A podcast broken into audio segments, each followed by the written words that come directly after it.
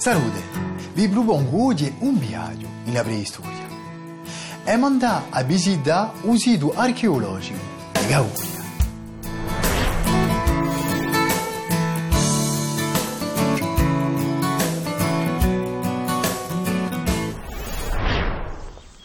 All'epoca neuritica, la popolazione torna sedentaria. Cresce chi si sviluppano l'agricoltura e la leva. Nascono i primi abiti sedentari come sa ricostituzione di un abito in alta rocca che può avere nanta su disegno. Compariscono di nuovo attrazi nuovi come per indetto sabbiola di pietra alisciata.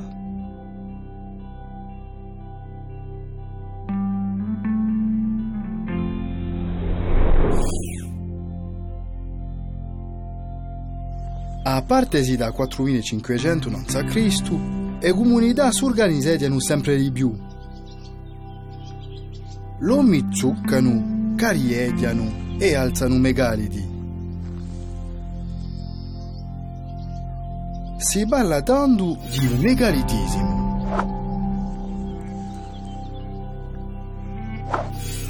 Ma voltiamoci a un nostro sito di Gauria, un luogo dove le sono alzate pedre maior chiamate stantare e di regola un luogo di passaggio. Cauria è un piano che si trova tra la piaggia di Tizzano e la montagna di Gagna. È dunque un luogo per fare l'alleu e l'agricoltura dove le cipurie hanno campo all'uomi preistorici.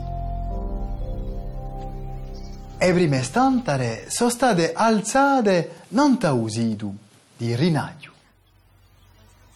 È qui che le Gesù famose pedre maiò a rite. Ce n'è 178. Si vede subito un travaglione di lomi di un eulitico. Scalpirina a pedra, carialla, alzalla. Qui si vede l'infilarata chiamata istantari. Certe stantare sono di forma umana. Si vede un capo, un naso e anche una bocca barta.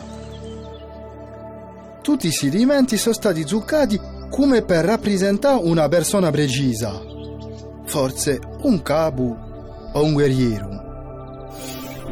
D'altronde si può non un capo due davoni per mettere corne di vacca. Qui si vede una spada, magari per figurare un guerriero. Per stantare di forma umana, l'archeologi parlano dando di statue antropomorfe.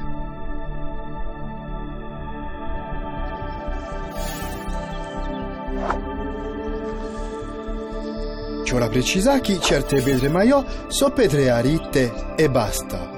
Non sono mica tutte antropomorfe.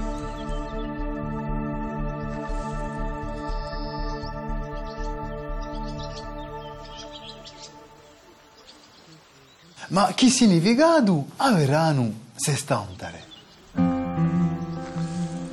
Una prima interpretazione ci insegna che se pietre alzate saranno fatte in onore di persone importanti, di comunità.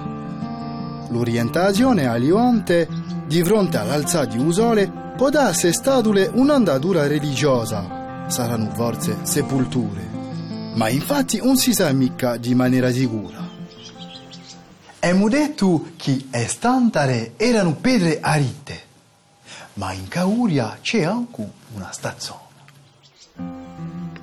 La stazione di Fontanaccia è forse la più conosciuta di Corsica. In archeologia, la stazione è una tomba collettiva aperta in un.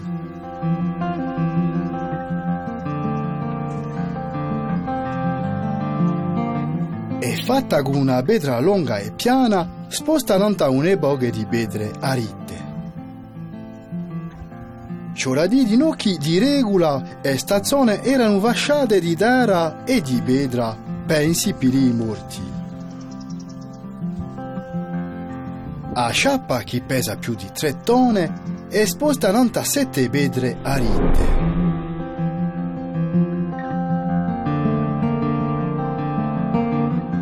Capita che questi monumenti tamanti sono stati alzati per essere visti da lontano.